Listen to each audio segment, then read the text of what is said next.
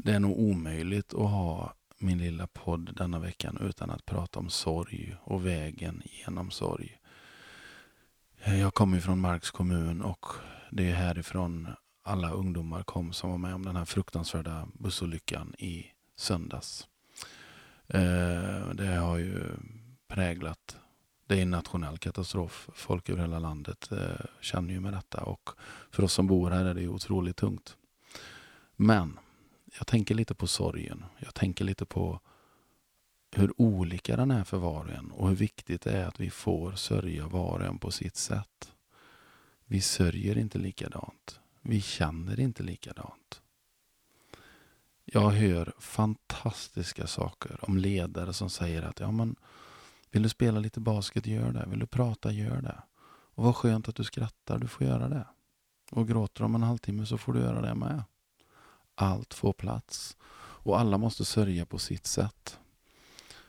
Jag tror att om sorgen är ju någonting som, som inte, det handlar inte om att uppleva sorg. Jag tror man måste genomleva sorg. Och det, det är inte roligt någonstans. Men om inte vi genomlever sorgen så kommer vi stoppa livets flöde i oss. Jag har sett detta så många gånger. När bitterhet och hat får sitt fäste istället. Jag tror aldrig vi kanske blir, har du förlorat ett barn, jag tror aldrig du blir hel igen. Men du kommer självklart skratta igen. Men du kommer alltid ha en, ett hål i dig, en längtan och så vidare. Men jag tror vi behöver separera lite på vad sorgen är och vad smärtan är. Bron till smärtan den är så smal så där, där får du gå själv. Det finns inte plats för någon mer. Sorgen däremot, den kan vi dela. Men vi måste få dela den var och en på sitt sätt. Vi sörjer inte likadant. Vi känner inte likadant. För sorg är inte att alla känner likadant. Det, det, det, jag tror det är så viktigt att vi var och en får möta oss själva och varandra där vi är.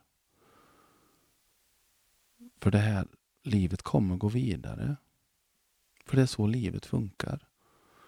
Men för många är livet för evigt förändrat.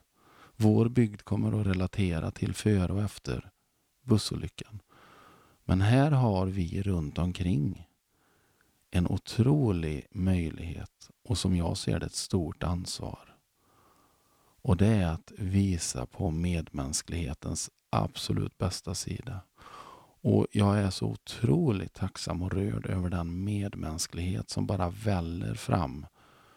Man träffar folk på byn och man ser på Facebook och andra sociala medier hur människor sträcker ut till varandra, känner med varandra.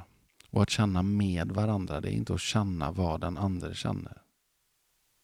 När jag känner med dig så betyder det inte att jag känner vad du känner. Men jag möter dig där som medmänniska. Och det behöver vi. Vi behöver inte spekulationer, vi behöver inte hatkampanjer, vi behöver inte privata domstolar som ska döma människor som varit inblandade, sen om det är chaufförer eller bussbolag. Vi lever i ett samhälle där vi har instanser som sköter det. Vi ska fokusera på att vara medmänniskor. Det hoppas jag. För att elda på spekulationer, det är inte värdigt. Vi kan bättre. Så jag hoppas att vi alla fortsätter sträcka ut.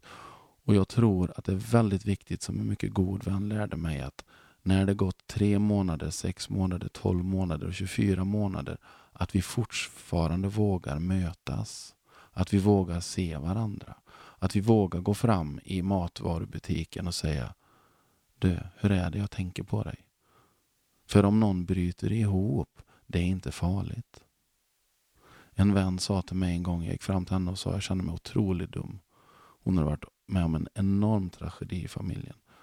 Och jag vet inte om det har gått ett eller två eller tre år, men jag, jag tänkte ofta på henne. På, jag tog mod till mig. Vi stod vid frukten i Hemköp i Kinna. Och jag gick fram och sa, jag, jag har inget vettigt att säga, men jag, jag tänker på det. Jag hoppas att det är bra. Då la hon sin hand på min arm och sa, tack för att du såg mig. Och jag kan fortfarande lipa en skratt när jag tänker på det. Så otroligt fint av henne att göra så. Det hoppas jag vi ser mer av. Sen var i landet du bor eller var du är, att vara medmänniska, det kostar ingenting och det är det absolut finaste vi kan vara. Så tack från hjärtat för att du har lyssnat denna gången och jag hoppas vi hörs snart igen. Ha det bra.